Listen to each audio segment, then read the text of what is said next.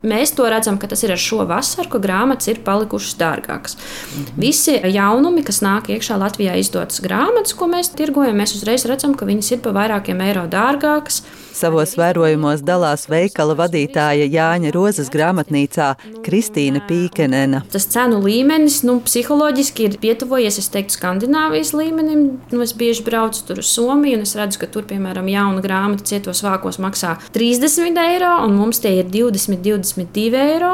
Tas ir diezgan daudz, un, ja salīdzina, kāds ir algu līmenis citās valstīs un kāds tas ir mums, tad, protams, ka to grāmatu par 22 eiro nu, nav daudz cilvēku, kas var atļauties mēnesī to nopirkt. Ko tas klients viņš atnāk? Nu, viņš par to ir satraucies un var aiziet arī projām. Jā, tā jā, būt, jā. jā, jo cilvēki ienāk, viņi paskatās, nu, cik tad maksā jaunais kaut kas. Nu, tad viņi izdomā, vai viņiem šobrīd ir tā nauda vai nav. Ir kas aiziet projām, ir kas izdomā, labi, es pagaidīšu, kad būs bibliotekā, bet bibliotekās ir jārēķinās ar to, ka šis jaunais nosaukums atnāk viens, divi eksemplāri uz visu biblioteku, un tā tad ir ļoti garas rindas, un beigās ir jālasa ļoti nolasīts eksemplārs. Un tad cilvēki padomā, nu nē, nu varbūt viņi pagaidīs akcijas. Kā pozitīvo Kristīna Pīkenena izceļ to, ka akcijas, kad konkrētas grāmatas var nopirkt par zemāku cenu, grāmatnīca piedāvā regulāri.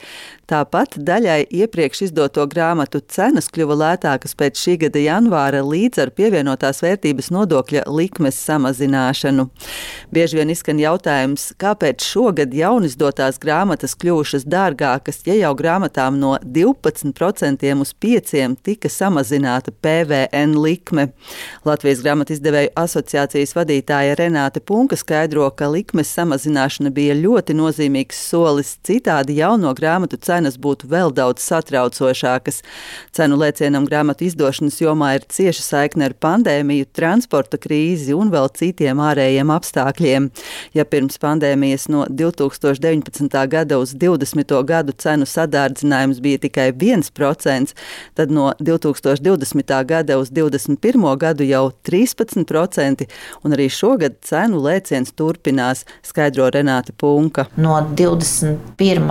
gada uz uz 22. līdz šim brīdim mēs saskaitījām tās grāmatas, kas ir nonākušas teiksim, līdz 31. augustam, nu, tur ir bijuši 14% šis sadārdzinājums. Mm -hmm. Ja nebūtu bijusi likmes samazināšana, mm -hmm. tad sadārdzinājums būtu bijis 22%. Tā kā mm. to bija vērts darīt. Mēs esam daļu no šī sadārdzinājuma amortizējuši, bet nu, ar papīra cenām, ar visu šo ārējo faktoru ietekmi mēs neko nevaram iesākt. Mēs labprāt turpinātu šīs cenas turēt uh, iepriekšējā līmenī, bet tad mums būtu jābankrotē. Sadārdzinājumu rada vairāku faktoru kopums.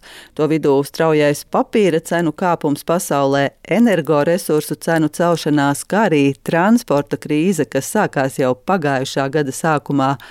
Kā skaidro Renāta Punka, liela daļa Latvijas grāmatu tiek veidotas kā kopdrukas ar citu valstu izdevējiem, kas ļauj tās saražot par pieejamāku cenu, taču šīs grāmatas praktiski drukā tālajos austrumos, un šobrīd to atgādāšana uz Latviju ir vismaz četras reizes dārgāka nekā pirms diviem gadiem. Ja man pirms diviem gadiem vajadzēja par vienas tirāžas atvešanu maksāt 600 dolārus, tagad tā summa ir apmēram 2,5-3 tūkstoši eiro.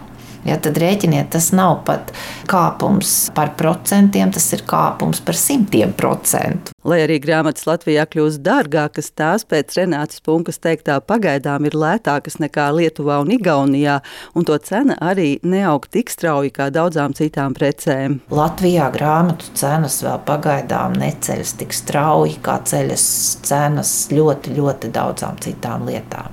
Nu, es tiešām ļoti gribētu ticēt, ka Mēs kopīgiem spēkiem, gan izdevēji, gan grāmatu mīļotāji un lasītāji, arī, protams, valsts un pašvaldību bibliotekas, mēs atradīsim to modeli, lai grāmatas latviešu valodā turpinātu iznākt vēl daudz un ilgi. Nu, ar cenām nākas rēķināties, bet es gribētu teikt, ka mēs darīsim pilnīgi visu, lai šīs cenas celtos iespējami lēni, lai šis trieciens nu, nebūtu tik sāpīgs. Mm -hmm. Bet, uh, prognozēt pašlaik. Es tiešām izvairītos mm. no kaut kādiem skaitļiem, pat no procentiem, mm. tāpēc ka pirms diviem gadiem neviens no mums nezināja, kas valdīs pasaules ekonomikā pašlaik. Grāmatu cenu celšanos publiskās bibliotēkas izjūt tādējādi, ka lasītāji kļūst vairāk un viņi uz bibliotēku nāk biežāk, atzīst Rīgas centrālās bibliotēkas direktore Dzidra Šmita. Protams, Tas atstāja iespaidu.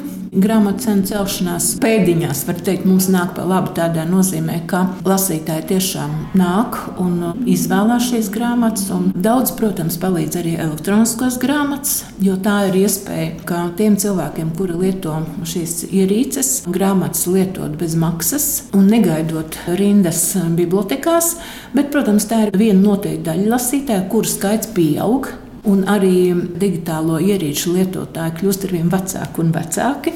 Tā kā mēs nevaram vairs teikt, ka tā ir tikai tāda jauniešu lieta. Bet tāpat laikā neapšaubām visā pasaulē cilvēki joprojām ir ļoti iecienījuši fiziskās grāmatas, un um, tās noteikti nekur nepazudīs. Tā kā grāmatas kļūst dārgākas, publiskās bibliotekas par tām atvēlēto budžeta summu var iegādāties mazāku grāmatu skaitu, bet pēdējos gados labs atspaids no valsts ir vērtīgo grāmatu iepirkuma programma publiskajām bibliotekām, ko administrē Nacionālā bibliotēka. Šī grāmatu iepirkšanas programma sākās pandēmijas laikā, lai atbalstītu gan izdevējus, gan autorus, gan grāmatu tirgotājus, gan bibliotekas un lasītājus. Es domāju, ka šī bija ļoti tāda tāda vērtīga atbalsta programma, jo ar vienu naudas gabalu -hmm. tika atbalstītas vairākas nozares. Bibliotekāri ir ļoti par to pateicīgi, un mēs ļoti ceram uz šīs programmas turpinājumu arī citos gados. Rīgas centrālajā bibliotekā vēlā pēcpusdienā var novērot gan lielu apmeklētāju rosību. Cilvēki nāk apmainīt grāmatas, gandrīz visi lasītavas galdi ir aizņemti. Cilvēki gan lasa, gan izmanto datoru pakalpojumus. Mums jāsaprot, ka ne tikai grāmatas, grāmatu cenas celsies. Mēs jau redzam to, ka cenu pieaugums un inflācija skar visas nozares. Un ļoti bieži mēs saprotam, ka žurnāli, avīzes, diemžēl ieteic arī grāmatas, un varbūt pat internets būs tās pozīcijas, no kurām cilvēki būs spiesti uz kādu brīdi atteikties.